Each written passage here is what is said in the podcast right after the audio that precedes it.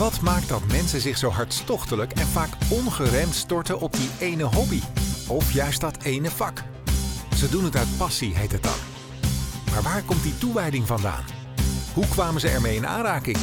Waar vielen ze voor? En wat kost het ze aan tijd, geld en energie? In de Meerradio podcastserie Passiepraat schuift Henny Beijer op locatie ergens in Haarlemmermeer aan op zoek naar de antwoorden. Rick Franke, waar zijn we? Wij zijn hier in het fort bij Aalsmeer. En daarin is het Crash Luchtoorlog en Verzetsmuseum 4045 gevestigd. Die- En dat is zo'n beetje jouw eh, dag en nacht thuisplaats. Ja, mijn vrouw zegt van wel, ik vind van niet. Maar eh, ik besteed er redelijk wat uren aan, ja. Ja, want jouw passie is Eh, luchtvaart eigenlijk. eigenlijk luchtvaart. Ik ben een oud, een oud fokkerman. En wij hebben hier van alle fokkervliegtuigen die in de Tweede Wereldoorlog hebben gevochten, in de meidagen hebben gevochten, een eh, van op één na de resten. Alleen van de Fokker C5 hebben we ze niet. De rest hebben we hier allemaal wel. En, En en, dat, dat vind ik boeiend. ja, en door dat Fokker ben je ook hier terechtgekomen? Ja, de voorzitter is een oud collega van mij bij Fokker. Die kwam ik een keer tegen en eh, die zei: eh, Je bent gepensioneerd, hè? heb je wat te doen? Nou, kom eens langs. Heb ik gedaan en dat is eigenlijk mijn eerste fout geweest. Theo van Hees, hoe ben jij hier terechtgekomen? Via de meerwaarde in, in Haarlemmermeer, die zochten mensen, ze zochten ook collectiebeheerders. En dat is jouw functie geworden? Dat is mijn functie geworden. En ik heb eigenlijk, we zijn nu bezig met het opzetten van een officiële database. We hebben nu al een spreadsheet staan. We hebben het over 1000, 3000 objecten. En die hebben ook nog subobjecten. Plus dat ze moeten geregistreerd worden. Ze moeten gefotografeerd worden. En alle data moet in die velden komen te staan. En dat is een beetje mijn taak. Nou, dat is een monnikenwerk. Dus dat, is al, dat doe ik al vijf jaar. Vijf jaar monnikenwerk. Vijf, vijf jaar monnikenwerk. Be- beter bier kunnen gaan brouwen. Ik ben een groot liefhebber van bier. Oh nee, dan wordt het dus dit, hè? Maar wij doen ook schenkingen en wij doen ook bruikleens. Dus dat komt allemaal op, de, op, de- op mijn, op mijn tafel in feite. Ja. Wij doen het met liefde en plezier. Ja, dat, dat, want die liefde, die passie, waar is die vandaan gekomen? Ben je een verzamelaar of een... Ik heb 20 jaar luchtmacht, maar dan in het gebied van avionics engineering. En 26 jaar Fokker. Ook Oh, uiteraard avionics engineering. Ja, beetje fokkerfamilie geworden, hè? begrijp ik. Ja, maar ook luchtmacht. Hè.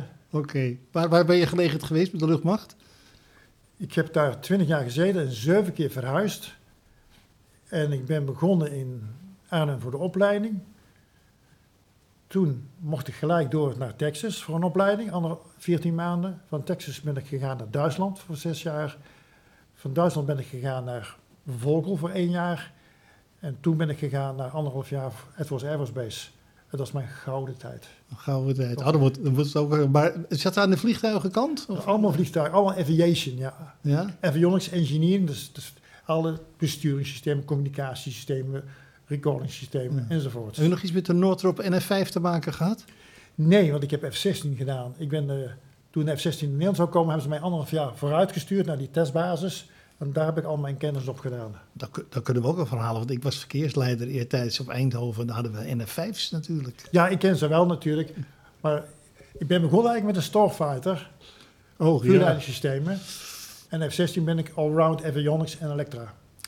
En die dingen maakten een geluid heel als die afterburner aanging op de Ik vind baan. dat een prachtig geluid. ja, kun je ervan genieten. Sommige mensen noemen het lawaai, ik noem het een prachtig geluid. Ja, er zijn mooie filmpjes over. Eh Hans van de Kroon, ehm, onze derde gast aan tafel, eh, ook vrijwilliger hier. Hoe hier gekomen? Zeg Hey, niet Fokker, hè? Nee, nee, in tegenstelling tot eh, mijn collega's ben ik helemaal niet uit de luchtvaartindustrie of uit Fokker. Eh, ehm, ik kom eigenlijk hier min of meer toevallig aanwaaien. Een oude hobby van mij was eh, vliegtuigen uit de Tweede Wereldoorlog, maar sowieso Tweede Wereldoorlog. En dat praat ik toen ik 16 was, dus een eventjes geleden natuurlijk. En eh, toen ik dit zag, dacht ik, hé, hey, wat leuk, een, een museum die ook vliegtuigwrakken behelst en ook onderdelen van de, van de Tweede Wereldoorlog, zoals verzet en onderduiking. Dat sprak me aan. En eh, ik ben al een jaar of negen nu gestopt met werken. En ja, ei- eigenlijk ben ik veel, heb ik veel museums bezocht. En ja, hier ben ik blijven hangen. En met kennis, ja, ik denk wel dat ik iets kan, toe, kan bijdragen. Ja, want, want het is een, een passie gebleven, die vliegtuigen. Nou, eigenlijk heel gek. Eh, vanaf mijn, ik denk vanaf mijn veertiende tot mijn twintigste wel. En toen heb ik ook heel andere dingen in mijn leven gedaan. En ik werd eigenlijk weer met mijn neus op het feit dat ik het wel leuk vond, hier gedrukt toen ik hier langskwam. En ze zochten mensen. Dus ik denk, ja, misschien kan ik hier wat toevoegen. Ja. En je bent nu eh, edu- de man van de educatie, hè? Onder andere, ja. Ja, wat, wat moet ik me daarbij voorstellen? Nou ja, het is natuurlijk belangrijk dat het erfgoed-idee wordt uitgedragen richting de Haarlemmermeer en richting eigenlijk heel Nederland feitelijk. Hè. En waar kan je dat nou beter doen? Door te beginnen bij de scholen. En scholen, ja, die kan je ook nog, je kan je een programma voor vormen, je kan de scholen aanspreken, je hebt een, een, een welkom publiek. Dat is misschien eh, wel belangrijk. En, eh, je, ja, en misschien is het ook voor de gemeente van belang dat, dat ze dan ook zien een soort toegevoegde waarde die je biedt als museum. En daardoor kan je misschien weer naar andere dingen ook, eh, ook toegaan. Ja, maar heb je nog iets met onderwijs? Of had je iets met onderwijs in je... Eh, het grappige is dat ook had ik helemaal niets met onderwijs. Ik, ik zag een klein stukje, ik kom uit de financiële wereld, dus ik kom uit een heel andere wereld. Maar eh, ik vind het wel belangrijk dat, dat je het goed aanpakt en met educatie kunt het goed aanpakken. Het andere deel wat ik doe is fondswerving. Ja, dat zijn nog financiën, hè? Dat, dat- ja, maar dan moeten ze al binnen zijn, Ja, die centen. ja, maar ja, je weet hoe het gaat. ja. Eh, Rick, ehm, museum, eh, de naam Crash, mijn eerste gedachte was Crash, vliegtuig neergestort, maar het is een samenvoeging van, een af, het is een afkorting, hè? Ja, de stichting is eh, in 1991 opgericht. En dat heet Crash Research in Aviation Society Holland. C-R-A-S-H. Ja, dat komt Dus- dan wel zo uit. Ja. En daaronder hebben we dan, eh, eigenlijk is het eh, Crash Luchtoorlog en Verzetsmuseum 4045, is eigenlijk de handelsnaam onder de stichting. Ja, omdat dat dan ook wat Ja. makkelijker bekt, Ja, zeg maar. Nou, ik vind het nog wat te lang, maar dat, eh, dat is niet anders. Je moet wel de lading dekken als je het noemt. Want er zijn meer crashmusea hè, in, in Nederland, die ook over luchtoorlog gaan. Ja, want dat is dan meteen wat bij je opkomt. Er is één Nationaal Militair Museum. Eh, er zijn heel verschillende oorlogsmusea, zeg maar, of co- collecties. Dan is dit er nog weer één. Wat maakt deze bijzonder? Of wat is het bestaansrecht? Ons bestaansrecht eh, ligt voornamelijk in het feit dat wij eh, ons focussen op de Haarlemmermeer en omstreken. Eigenlijk West-Nederland. En de laatste tijd zijn daar ook de territoriale wateren bij gekomen. Dus wij gaan ook kijken naar wat er in de Noordzee ligt. Wij weten van twee wrakken die daar liggen. Alleen dan moet je nog fondsen en mensen vinden die bereid zijn om dat op te graven. Dat mogen we niet meer zelf doen. Nee, dat, wie moet dat dan we- doen? Ja, vroeger deden we dat zelf, we waren gewoon eh, gravers. Maar tegenwoordig moet je dat doen met de luchtmachtbergingsdienst, met de gravendienst van de landmacht, explosieve opruimingsdienst, want er kan natuurlijk ook nog een explosief in zitten. En dan kunnen natuurlijk ook resten, eh, ja, stoffelijke daar resten moet, in die zitten. Ja. ja, daar Ja. moet die gravendienst erbij betrokken zijn, Mhm. om te identificeren en zo. ja. Maar als mensen ehm, geïdentificeerd zijn en een laatste rustplaats hebben gekregen, dan eh, is dit een hele mooie, eh, hoe moet je het zeggen, basis voor de nabestaanden. Want die komen hier dan kijken en die komen hun voorouders herdenken. En hier wordt het verhaal compleet voor Ja. ze. Ik heb Mhm. een voorbeeld van die Vickers Wellington, die, de eerste die opgegraven is in Battenverdorp. Die, eh, de dochter van de nav- navigator Jack Wise, die was hier een paar jaar geleden. Zij, is, eh, zij was twee toen haar vader overleed, met de, met de crash. En die had eh, twee jaar voordat ze hier was voor het eerst gehoord dat wij hier de resten van hadden. Dus die stond hier met de hand op die Merlin-motor, Rolls Royce Merlin. Daddy, daddy, daddy, met tranen in de Dat ogen. is emotie. Ja, ja. ja. Niet Dat- alleen voor haar, hè, maar ook voor ons. Ja, logisch natuurlijk, want eh, jullie hebben dat uiteindelijk gevonden voor haar, zullen we maar zeggen. En ja. eh, wij worden internation- nationaal, internationaal alom gewaardeerd voor de eh, aandacht die wij besteden aan wat de geallieerden en ook de Duitsers hebben gedaan voor hun vrijheid. Want ook de Duitsers waren niet alleen maar rotzakken. Die werden soms ook maar gestuurd, hè? Mhm, Heel vaak zelfs. Heel hè? vaak zelfs, Ja, ja, ja. Zag ik nou traantjes in je ogen? Ja. Ja. Ben je vochtig? Ja, daar word je toch emotioneel van. Eh, hoe zit dat bij jou, eh, eh, Hans? Want je vertelt een verhaal. Hè? Met educatie moet je een verhaal vertellen. Een verhaal bij de collectie, neem ik aan.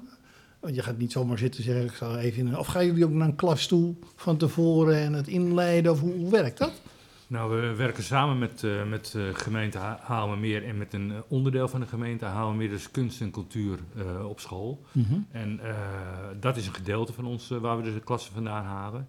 We kijken zelf natuurlijk ook nog met andere gemeentes of we meer klassen kunnen, kunnen warm maken voor ons, voor ons museum.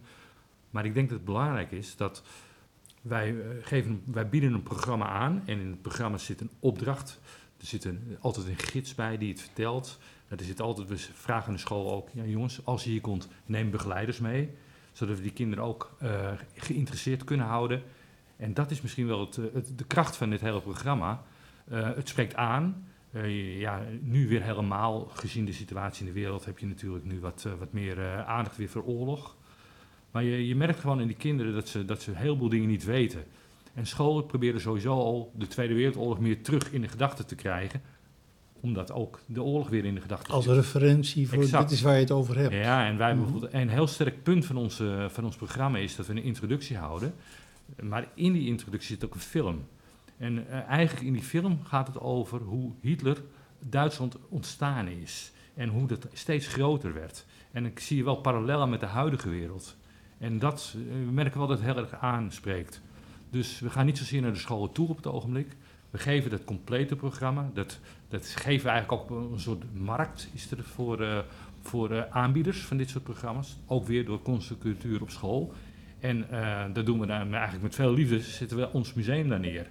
En we merken dat er gewoon heel veel scholen dit een, een prima idee vinden om hun leerlingen de oorlog eh, ja, mee te nemen in dat exact. denken, ja. En, en hoe oud zijn die kinderen dan? Die, eh, Groep 7 en 8. Dat is toch wel vrij jong, hè? Ja. 11 en 12. Ja, we kunnen eigenlijk ook niet veel jonger beginnen, want je moet ook het Nee. besef hebben. En la- voor een latere groepen, dus neem de brugklas 1 en 2, hebben we een ander programma wat we aan het uitwerken zijn.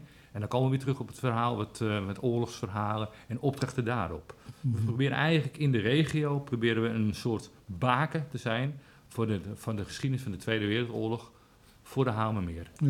Theo, die, die collectie hè, in, het, in het museum, hè, als daar, als daar zo'n rondleiding langs gaat met kinderen, hou jij daar nou nog rekening mee? Zijn er dan dingen die je uit het depot eerder naar voren haalt voor...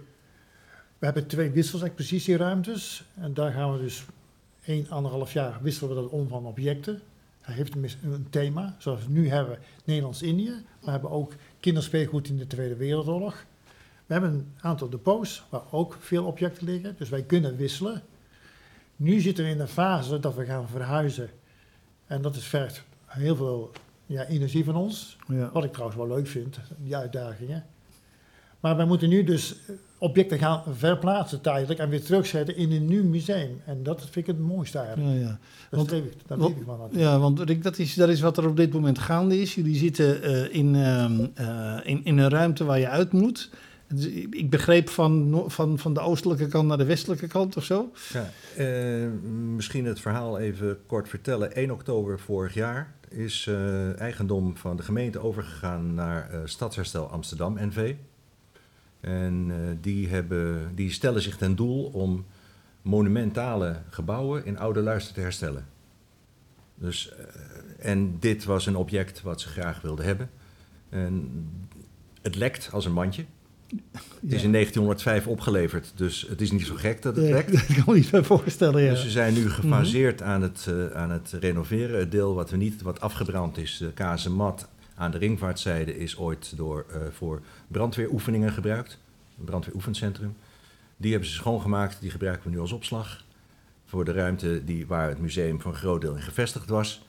Die wordt nu gerenoveerd en dan kunnen we daar het museum opnieuw inrichten. Ja, want er zijn wel twee plekken. Hè? Als je, je hebt aan deze kant zeg maar de, de- het museum, maar je hebt ook nog een soort loodsen waar nog weer Ja, vliegtuigresten Ja, staan. eh, het museum is gevestigd in het fortgebouw. Eh, Dat is dit deel. En aan de overkant eh, staan loodsen die zijn ooit eh, voor de bescherming bevolking opgezet. Dat zegt jonge luisteraars niks, maar de ouderen wel. Daar is een eh, reconstructie van een Spitfire in eh, gehuisvest. Eh, grote vliegtuigmotoren en ook een rompstuk van de Fokker C-10. Is het niet onhandig dat dat in twee uit elkaar liggende ruimte, want er zit best wel een Ja, loopruimte dat, dat klopt. Dat is, met rondleidingen is dat ook heel erg lastig. Want op welk, welk moment ga je daar naartoe en hoe pas je het in in een, hoe moet je het zeggen, contextueel kloppend verhaal. Hm. Dus we gebruiken hem eigenlijk te laat. Maar er staat, er staat heel veel in. Dat is vooral een deel van de luchtoorlog en dat zit hier halverwege het museum. Dus eigenlijk moet je halverwege die kant op. Maar ja, Ja. Wa- Was het niet een logisch idee geweest om alles naar één plek te verkassen? Ik zie meteen Dat- ja ja, knikken. eh, dat zou Ja. logisch zijn. Hans is voor. eh, ja. Ja, ja en nee. Ehm, je zit in een fort. Een fort heeft ruimtes die hebben beperkingen. Kijk, je kan in een fortruimte, eh, als je hier rondloopt, kan je zien dat de ruimtes ook niet zo groot zijn dat je echt veel groot materieel eh, kan neerzetten. Dus vanuit die optiek zou je zeggen, ja, zet het bij elkaar. Aan de andere kant is een fort ook, heeft zijn charme. Kijk, wij hebben een soort eh, een Tweede Wereldoorlog achtergrond, maar het fort is nog ouder. En het fort werelderfgoed eh, van de UNESCO, dus het, is, het vult aan. En dus het- die grote objecten kan je toch nooit in het fort bijna kwijt. Dus je, moet die splitsing wel maken. Natuurlijk kan je op allerlei manieren dat doen, maar ehm, we hebben gekozen voor deze oplossing en die werkt, vooralsnog werkt die. Maar ik ben het met Rick eens dat je zegt van ja, eigenlijk splits je een beetje je luchtoorlog tentoonstelling. En we begrijpen dat je dan een stukje moet lopen. Voor de school hebben we het anders opgelost. Hebben we gewoon gezegd, jongens, jullie krijgen een programma en we sluiten het programma af in de Spitfirehal. Dan kunnen jullie daar nog, je, eh, hoef je geen opdrachten meer te doen, maar dan krijg je wel de mogelijkheid tot het laatste afsluitende verhaal en een groepsfoto. Je luistert naar Passiepraat. Meld je aan via passiepraat.meerradio.nl In het Crash Luchtoorlog en Verzetsmuseum 4045, beetje een lange naam, vond eh, Rick Franke, ehm, die eh, hier aan tafel zit samen met Theo van Hees en Hans van der Kroon, eh, gepassioneerd voor de Tweede Wereldoorlog. Dat klinkt toch raar eigenlijk? Ik vind ik zelf natuurlijk van niet. Nee, dat snap ik. ik, ik heb een stukje luchtmacht gehad en een stukje Fokker Aircraft. Ik hou van vliegtuigen, ik hou van NVA's. Dat is de passie dus, dus natuurlijk. dat is de passie gewoon. Ik, Ja. ik ga gewoon door. Ja.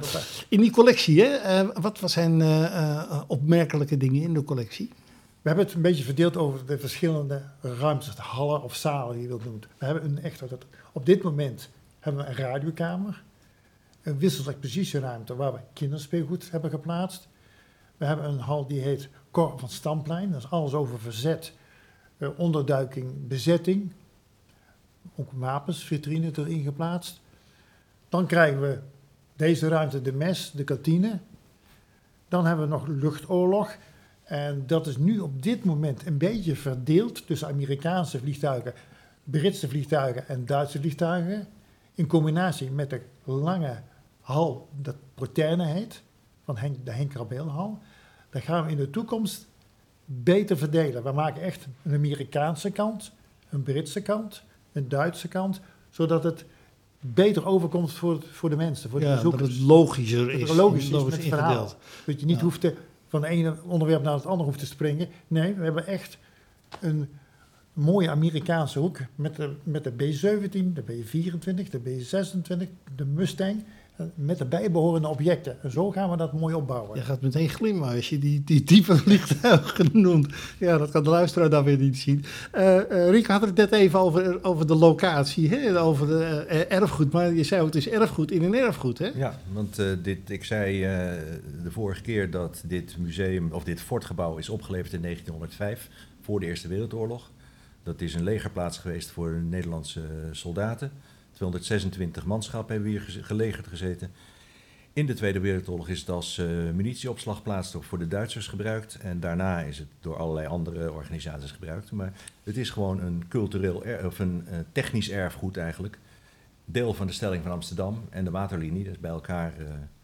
En wij zijn met een erfgoedmuseum daar natuurlijk mooi in gevestigd. Dat vult elkaar heel goed aan, want je zit gewoon op een historische locatie met een museum wat de historieverhalen vertelt. Ja, ja, ja. Heel, heel logisch dus eigenlijk. En eh, eh, eh, Hans, als je mensen uit Haarlemmermeer, hè, ki- kinderen, misschien schoolklassen, zijn er ook ouders bij trouwens? Dan? Eh, als begeleider. als begeleider. Hoe is die reactie? Want Ja. dat zijn ouderen, maar van, vaak van een generatie, kan ik me nu voorstellen, met huidige basisschoolleerlingen, die het van hun opa's en oma's nog niet eens goed gehoord zullen hebben. Nou, het is grappig dat je het zegt, want we hebben dus ook als begeleiders opa's die er ook wel eens bij zijn.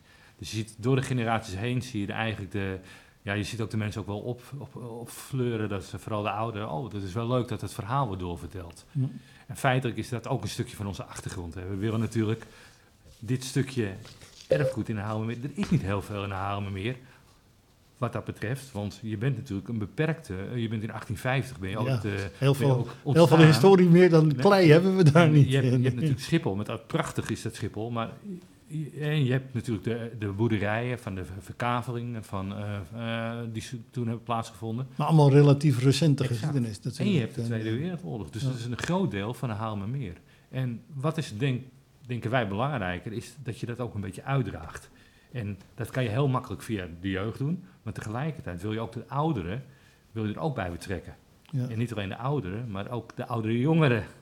Ja, precies, want dat, dat zijn ook die oude. Jullie, jullie motto eh, eh, heb ik gelezen: leren niet te vergeten en niet vergeten te leren. Ja. Dat is een hele mooie. Nou, en die past ook precies in het programma natuurlijk van, eh, van de educatie. Want ja, kinderen, eh, jongens, dit, dit is gebeurd. Ja. Zijn jullie En- bang dat het vergeten wordt? Ik, ik kijk jullie ook maar even aan. Wij zijn een beetje allemaal van dezelfde jonge leeftijd. Maar ja, ben je bang dat het wat vergeten Ja. wordt, Rick? Ehm, we hebben hier wel eh, bezoekers die... eh, ja, oh, allemaal oorlogsspul. Eh, wapens. Nou, maar weer En als je dan een Maar- verhaal vertelt... die willen niet rondgeleid worden, kijken wel een beetje rond... en kijk, eh, zijn na een drie kwartier uitgekeken. Dan lopen we rond, dat doet Hans ook heel veel. Dan eh, spreken we ze aan en zeggen... heeft u dit gezien met het verhaal hierachter? Beseft u dat? Dat die voor onze vrijheid is gestorven? Zoals de, de bemanningsleden waarvan we uniformen hebben staan in die hal. Die eh, van de Lancaster en de, en de B-17. Die jongens die waren 18, 19. Soms logisch om hun leeftijd, waren pas 17. Die kwamen van de boerderij in Idaho. rechtstreeks op het vliegtuig. Hadden geen idee waar New York lag. Dus laat staan Berlijn. Die werden daar naartoe gestuurd. En in de beginjaren van de, van de bombardementen was de overlevingskans 40% En komt dat dan aan bij die mensen? Ja, dan wel. Dan, dan, maar dat heeft dat ja. toch ook te maken met, met tijd nemen om te Ja, luisteren? tijd nemen om te luisteren. Ja. Ja. Je, je gaf er straks in het voorgesprek ook aan dat de aanpak misschien ook die kant op moet. Hè?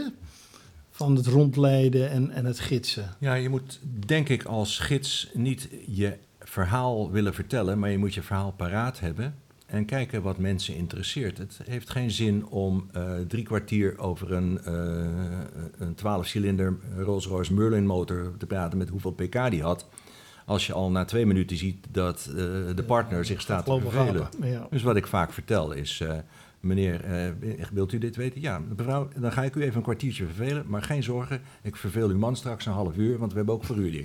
Ja, ja, ja. dan, maar dan, je moet je, we moeten ons publiek aanleren voelen. ja, want het is een ander publiek aan het worden. hè? Het is een ander Ja. publiek aan het worden, want eh, Snel verveeld. nou, we hebben natuurlijk redelijk wat eh, ouderen. Als ik de, de, de, in het jaarverslag kijk van wat we allemaal aan bezoekers hebben, dat kun je zien eh, vanuit de website, de leeftijdscategorie. Dan zie je dat het grootste deel is ehm, tussen de 45 en de, en de 75. En daaronder is het wat minder. Zeg maar 60% is die leeftijd. En de rest zit daaronder. En een paar natuurlijk daarboven. Dat zijn de echte veteranen, zeg maar. Die, eh, maar we proberen dus jonger publiek te trekken door het verhaal anders te vertellen. Ja. Door misschien later wat meer audiovisueel te doen, wat interactiever. Eh, Ja, want daar moet je nu natuurlijk naartoe, eh, zo langzamerhand. ja. Ehm, eh, wat, wat mij nog uh, stipt het er straks aan, Theo. Er loopt op dit moment een, een expositie over India. Dat is dan nou echt zo'n onderwerp waar uh, momenteel flink discussie over is, toch? Helaas kan ik u niks laten zien, want hij is afgebroken. Ja, maar zo'n, dat levert toch, toch wel wat discussie op, denk ik, dan als bezoek, bezoek komt. Ik denk dat vooral, vooral bij de, de, de, gidsen, want ik ben zelf geen gids, want daar heb ik de, de tijd niet voor. Want dus mijn buren, die kunnen, die gidsen, veel, wel. Die kunnen gidsen wel, ja, zoals ja. Hans en uh, Rick. Ik ben meer achter, in mijn kamer achter de laptop, om de hele collectie bij elkaar te houden. De spullen bij elkaar en te dat, halen. En dat is, Ja. blijft werk. Ja, Want er komen schenkingen binnen van mensen en die, die moeten afgehandeld worden. ja. Dus het gids zelf doe ik niet. Maar dat wil niet zeggen dat, dat, dat ik geen interesse heb. En ik luister regelmatig mee, want je leert ten alle tijden. ja, ja. Ook op mijn leeftijd. want Rick, jij...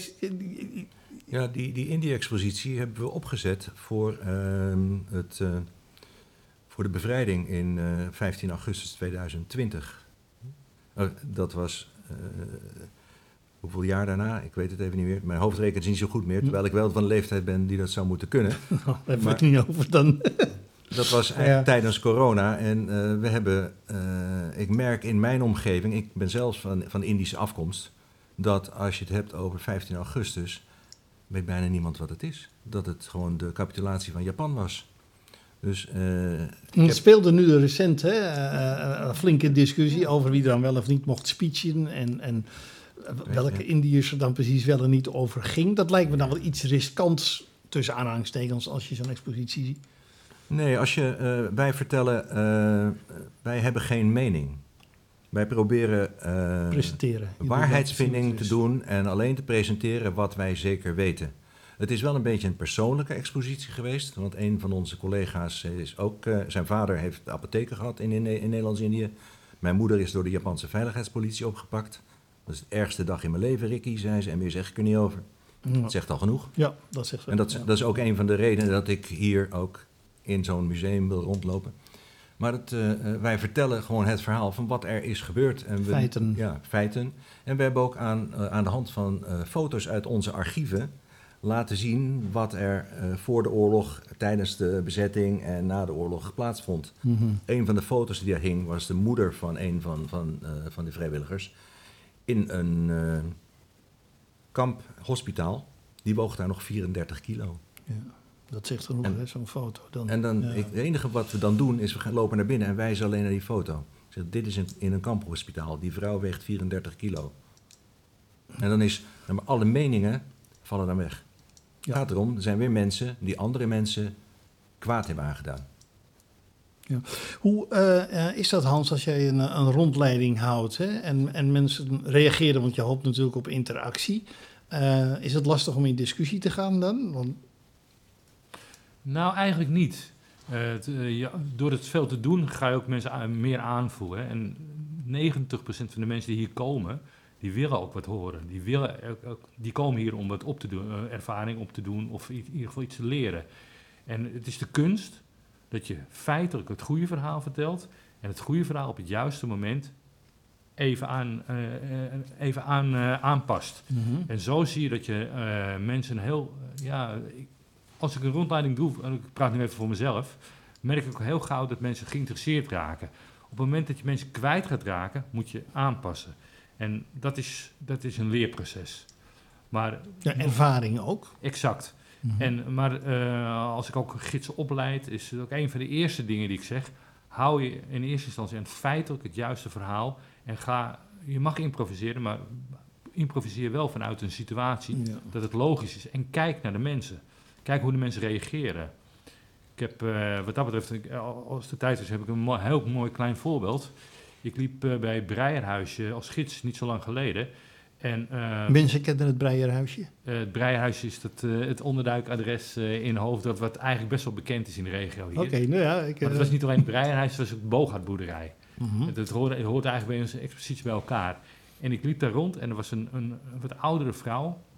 En die, die zei tegen mij, ik heb daar gezeten in, dat, in de boerderij van Boogaard. Ik denk, nou, dat, is, dat komt even aan als je de, de, de gids bent daar. Maar wat nog anders was, op een gegeven moment zei ze, maar ik hang hier, op die foto sta ik. Dat was een meisje van een jaar of tien misschien, met haar handjes onder de eh, kin en eh, elleboog op de knieën. En zij stond daar, st- zat daar Ja, gewoon. eigen foto te krijgen. Ja, en zij, ja, ze beleefde eigenlijk haar situatie. En de mensen die erbij waren, ja, iedereen krijgt een beetje een brok in zijn keel. Tuurlijk. Inclusief ikzelf. Is- En dat zijn dingen die je tegenkomt in het museum. En dit was natuurlijk een uitzonderlijke situatie die niet altijd gebeurt.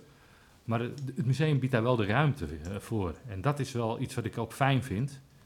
En daar, ja, dat, volgens mij gaat het daar ook wel een beetje om. Ja, ja. Heb je last van emo- emoties als dat dan Nee, zo aankomt bij sommige nou mensen? ja, God, ja, ik ben niet zo echt een emotioneel mens, maar je voelt hem wel natuurlijk. Ja, Dus, eh, maar het is, het is, ja, je weet van tevoren niet hoe je reageert. Ik vond het toen wel eigenlijk, ik heb toen voor mezelf bedacht, dat verhaal moet ik eigenlijk altijd vertellen. Ja Want dat neem je dan dat mee. is de Dat, essentie van wat, waar we het eigenlijk voor doen. ja. En dit is maar een voorbeeld. Ik, ik neem aan dat mijn collega's wel een soortgelijke ervaring hebben meegemaakt. En ieder pakt dan zijn stukje op wat hij van belang vindt. Ja, neem, neem je het dan nog mee naar huis of als je hier de dijk oprijdt is het weg? Nee, dan is het al weg. Ja? Ja, ik vind het dan een... een, een- ja, kijk, ik ben natuurlijk van een generatie die ook wat, wat, wat jonger is. Eh, ik, volgens mij ben ik in het museum een van de jongsten, met mijn 60, eh, 60 jaar.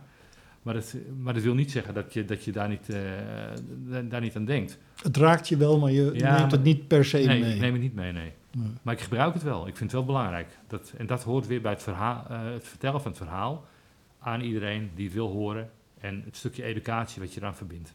Ja. Heb jij er last van, Rick, van emoties tijdens het rond, rondleiden? Nou, soms, hè, zoals wat ik net vertelde van die vrouw, Ja, die, dat- eh, dat- op die dat- woonde, dan, dan schiet ik vol.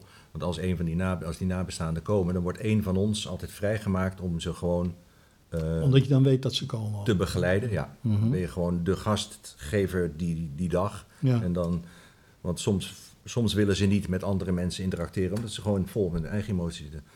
Die dag dat ik naar huis was, eh, was ik ja, leeg. Ja, Een bepaald soort emotie is dat dan ook. Hè? Dan is het hele verhaal geweest. Ja, Een, een mooie emotie, eigenlijk. ja maar dat, maar wat, wat jullie zeggen, dat is, eh, dat is inderdaad waar je het voor doet. Je luistert naar Passiepraat, een meerradio-podcast met Henny Beijer... die op bezoek gaat bij mensen met een hartstochtelijke liefde... voor een hobby, sport of vak. En we praten in deze podcast, radio-uitzending... op het Crash Luchtoorlog en Verzetsmuseum 4045... met Theo van Hees, Hans van der Kroon en Rick Franke. Ehm, en het gaat over hun passie voor... ja, we hebben net een beetje raar zeggen, passie voor de Tweede Wereldoorlog... maar dat is het niet. Het is de passie voor het verhaal, de passie voor de luchtvaart... eh, passie om het verhaal door te vertellen. Ehm, maar ja, eh, we zijn allemaal wat ouder. Je bent eh by far de jongste, Hans, dat hoor ik net. maar is het nou, Theo, een, een oude mannenhobby hier? Nee, want ik doe nog veel met eh, dataverwerking.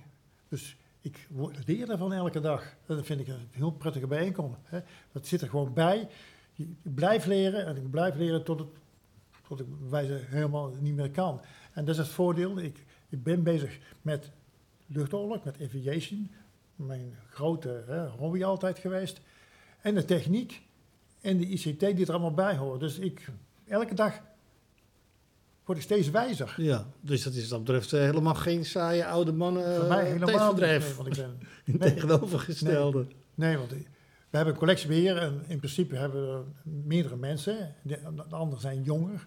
En die probeer je ook die passie mee te geven. Die hebben die passie al, maar ik heb iets meer, vind ik. maar ik ben dan 75, maar ik kan nog, nog makkelijk, makkelijk 15 jaar door. En, en Rick, eh, want jij kan het misschien wat meer overzien met die eh, vrijwilligers. Eh, hoeveel zijn het er trouwens? Hoeveel mensen hebben jullie? op papier hebben we er 46, maar eh, dat is zoals in iedere organisatie de- zo'n eh 16 man die, eh, die je heel vaak ziet en de rest zie je wat minder vaak. Wat is heel vaak? Zijn jullie dan dagelijks? En wij zijn iedere zaterdag en iedere tweede zondag van de maand open, maar ehm, ja, het zijn altijd dezelfde die er zijn als wij open zijn. En dat is jammer. We zoeken dus ook eh, vrijwilligers die eh, het niet als vrijblijvend zien, maar het ook zich committen aan er zijn en ook gidsen en ook iets doen. Want gidsen zijn, zijn het belangrijkst.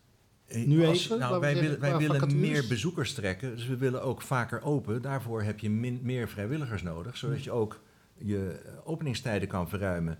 Want als die paar vrijwilligers alle t- zondagen open moeten, misschien ook de woensdagen, dan eh, krijgen ze of problemen met het thuisfront, of je hebt zelf geen energie meer. Ja. Want je hebt geen tijd meer voor iets anders. Sowieso natuurlijk een probleem dat vrijwilligerswerk. Ehm, eh, Hans, eh, jij zit in de educatie. Is er een categorie waarvan je denkt, nou daar, daar zou ik best een avond voor willen presenteren om te kijken of ik ze kan enthousiasmeren? Want ja, vaders met kinderen hebben het druk, eh, moeten naar de sportschool, eh, zitten op de voetbal, moeten de kinderen naar de hockey brengen enzovoort enzovoort. Wie, wie, wie, wie moeten we hebben? Toch denk ik dat je in de richting moet, moet kijken van, eh, van middenleeftijden. Want ehm, uiteindelijk zal daar ook het, het, ver- de verbindenis moeten komen tussen de jeugd en de ouderen. En daarmee bedoel ik eigenlijk dat eh, het vinden van vrijwilligers. We hebben in februari een vrijwilligersdag, hebben een, een, soort campagne hebben gehad. En eh, dat was best succesvol. Hebben we met, eh, met goede middelen, vooral via, heeft via sociale media ook heel wat aan, aan gedaan. En ehm daaruit bleek dat we over het algemeen toch wat oudere mensen toch weer binnenkregen. En wat je eigenlijk wil is ook een verjonging. Maar je begrijpt wel dat je niet zomaar jonge mensen binnenkrijgt. Dus je, je moet het eigenlijk een beetje, een beetje afbouwen in leeftijd. Maar moet je daar misschien een bepaald soort job in, in beeld brengen van we zoeken social media of websitebeheerder of dat je, dat je het specifieker maakt en dan naar de wat modernere... Ja, dat, zou- dat zou kunnen. Maar eh, op het ogenblik zijn wij dus voornamelijk wat Rick net zei, is wel een belangrijk puntje. We moeten eerst meer open. Want we krijgen natuurlijk in de toekomst, eh, is er, eh, er is meer, eh, we krijgen een ander soort begroting. Dat begrijp je wel, we gaan zo meteen ge- eigenlijk iets groter worden we. Dus het heeft ook wat, eh, wat dingetjes, eh brengt het de met zich mee. consequenties, ja. En dus ook wat meer openingstijden. En het moet ook kunnen. Je moet ook mensen kunnen vinden. Dus eh, je zit in eerste instantie daardoor wel te denken aan, aan gidsen. Maar ook aan mensen die het verstand hebben om dingen ook over te brengen. Dus, en, Ja, het is niet zomaar een jobje, dat gidsen natuurlijk. Hè? Even Dus een het, eh, verhaaltje babbelen. Nee. Ja, en, en het is ook belangrijk dat je de mensen, bedreven mensen vindt. Fe- Feitelijk maakt dan de leeftijd ook niet eens zoveel uit. Gevoelsmatig wil je jongere mensen hebben dan, dan we nu hebben, omdat je langer door wil gaan met de mensen. Maar als het, als het blijkt dat je met vijftigers of met zestigers, mensen gaan eerder met pensioen tegenwoordig. Ik vertelde net al, ik ben zelf al wel negen jaar eh, niet meer werkzaam. Dus je komt steeds meer dat type mensen eh, tegen. Dus ik denk dat daar eigenlijk je grootste eh, mogelijkheid zit om mensen te, te vinden. En dan heb je ook mensen die, die ook wel nog wat met oorlog hebben, maar ook die eigenlijk iets nieuws willen. Omdat ze Ja, uit een is- werksituatie... Dat is wat ik bedoel, het is niet alleen oorlog. Ja, exact. Ja. Kijk, je moet ook, als je mensen wat bij wil brengen, heb je keuzes. En een, een, een van de keuzes kan zijn een museum. Want een museum is per definitie, brengt Ja. mensen iets bij. En daar zit ik eigenlijk meer in educatief eh, te denken. En ook qua gidsen, maar ook qua andere vrijwilligers. Ja, om, om- dat lijkt me meer de ruif waaruit je moet gaan plukken. Ja, ja. Ehm, Theo, eh, jij hebt een paar mensen, zei je, hè, met wie je die collectie eh, eh, in, in stand houdt. Is die makkelijk over te dragen? Ik bedoel, eh, je hebt nu bijna alles gearchiveerd eh, staan en gefotografeerd en gedigitaliseerd.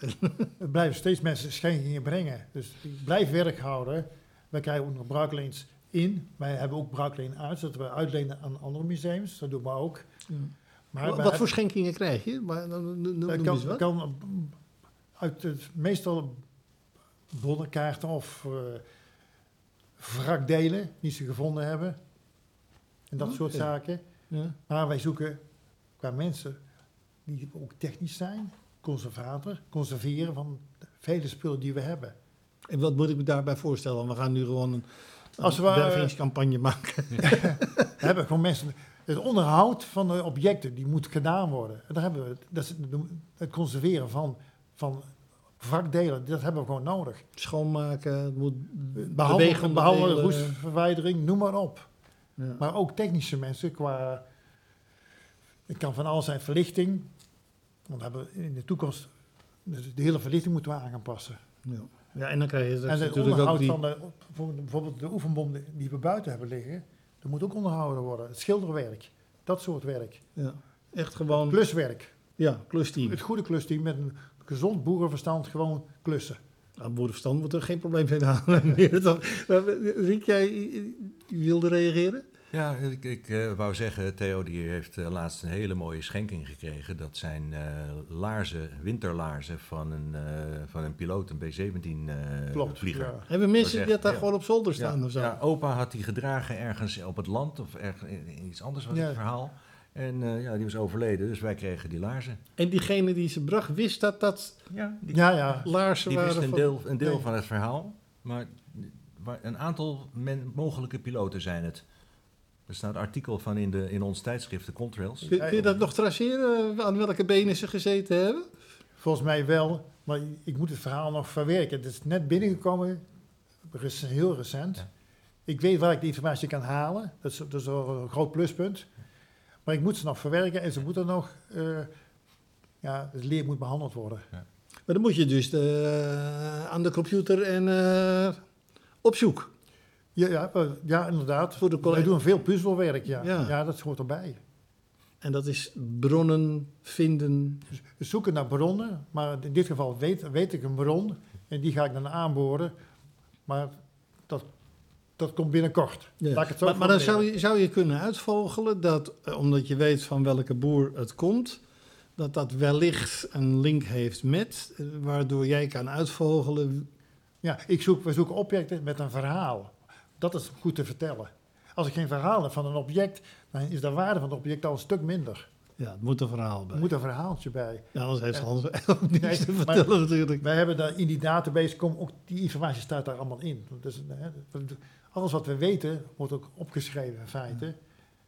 En ik zeg altijd, als ik een schenking krijg, wat is het verhaal daarbij? Ja. En, en dat wordt genoteerd. Was dit een eh, sprongetje in de lucht, deze laarzen? Nou, ik, eh, ik moet er aan gaan werken. Maar wat denk je? Dat, Ik denk, eh, ja, dat- ik- ja, wel, wel... dat weet wel waar het wel. naartoe gaat en welke, Je, ziet, je wordt heel driftig aan tafel, ja. Dat Ik wordt denk door iedereen. Ja. hij wordt geëxposeerd en dan weet ik al welke, waar die komt te staan. Dat wordt wel een bijzonder verhaal. Ja. Ja. Ja, wat was een andere mooie schenking die je inmiddels wel hebt verwerkt? In de kinderspeelgoed Ja. Zijn ook heel veel objecten. En het fijne is, sommige mensen willen het niet kwijt. Die doen dat in bruikleen. Maar op een gegeven moment moet de Kamer zeggen, de, de, de tijd is om. We gaan een andere. terug. Of, En dan ja. wilden ze die spullen, zeggen, je mag hem behouden. Nou, dat is toch prachtig? Dat is mooi, ja. Dan wordt het een schenking. En dat is kinderspeelgoed uit de jaren 40, 45. Ja, dat is correct. terug te, terug te leiden tot, ja, ja, ja. tot die periode. En dat vind ik, dat is natuurlijk fijn voor het museum. Ja, want we zijn, we zijn een beetje in de richting van de slotfase, maar dat is echt de passie, eh, toch? Natuurlijk is dat passie, want dan, leef je naar, je leeft naar dat, dat speelgoed, dat, hè, wat ermee gebeurd is, hoe het opgebouwd is, waar het van gemaakt is, dat soort zaken. Het verhaal bij de objecten. En dat vind ik belangrijk. Ja. En, en waar hoop je nog op als je nou s'nachts barend in het zweet wakker wordt, denkt van, het zal toch niet? ja, ja, kom maar op. Nou, ik kom niet zo gauw, ik zweet het. Ik, ik, heb wel, ik word wel eens wakker s'nachts, en dan, maar dan is het meer over. Er komt een idee boven en dat, ga, dat moet je verwerken. Dat, dat gebeurt wel, Ja, ja. wel regelmatig. Maar dat vind ik leuk, daar heb ik ook geen last van. Er zijn punten die, die komen op je in. Als je in alle rust bent, hey, dat moet ik, dat moet ik zo verwerken. Hè. Dat, dat- maar dat, is, dat doe ik al jaren. Hè. Die, die passie van de aviation en zo, die heb ik al Dat gaat niet meer eh, weg. sinds 1968. Gaat niet meer weg. Luister je af en toe nog scanner of zo? eh, luchtvaartkanalen? Niet zo vaak meer. Dat wordt wel een beetje bij de luchtvaartenthousiast. Tuurlijk, ja, jawel, maar Tijd. ik heb op testbasis gezeten. Nou, dat is, zoals ik al eerder aangeef, dat is Ja. een gouden tijd. Ja, ik kan me iets meer voorstellen. Ik, ik heb eh, wat korter gezeten, maar... eh, ehm, Hans, eh, jij blijft het nog lang doen? Dat denk ik wel, ja. Ja? Want je haalt er heel veel plezier en genoeg uit? Ja, nou ja, het, het is een, een verlengstuk van een oude hobby. Die ik eigenlijk weer op heb gepakt. En nogmaals, ja, ik, ik vind het gewoon belangrijk dat het blijft bestaan. En ik persoonlijk. Ja, is dat een soort drive, een motivatie? Ja, Wat voor mij wel. Maar ik vind persoonlijk dat in Haalmermeer eigenlijk ook te weinig is. En dat er eh, Te weinig te weinig aandacht voor erfgoed. voor erfgoed. En het, het stoort me eigenlijk. Ik kom zelf uit Amsterdam. En eh, in Amsterdam is natuurlijk heel veel erfgoed. En het is allemaal heel goed geregeld.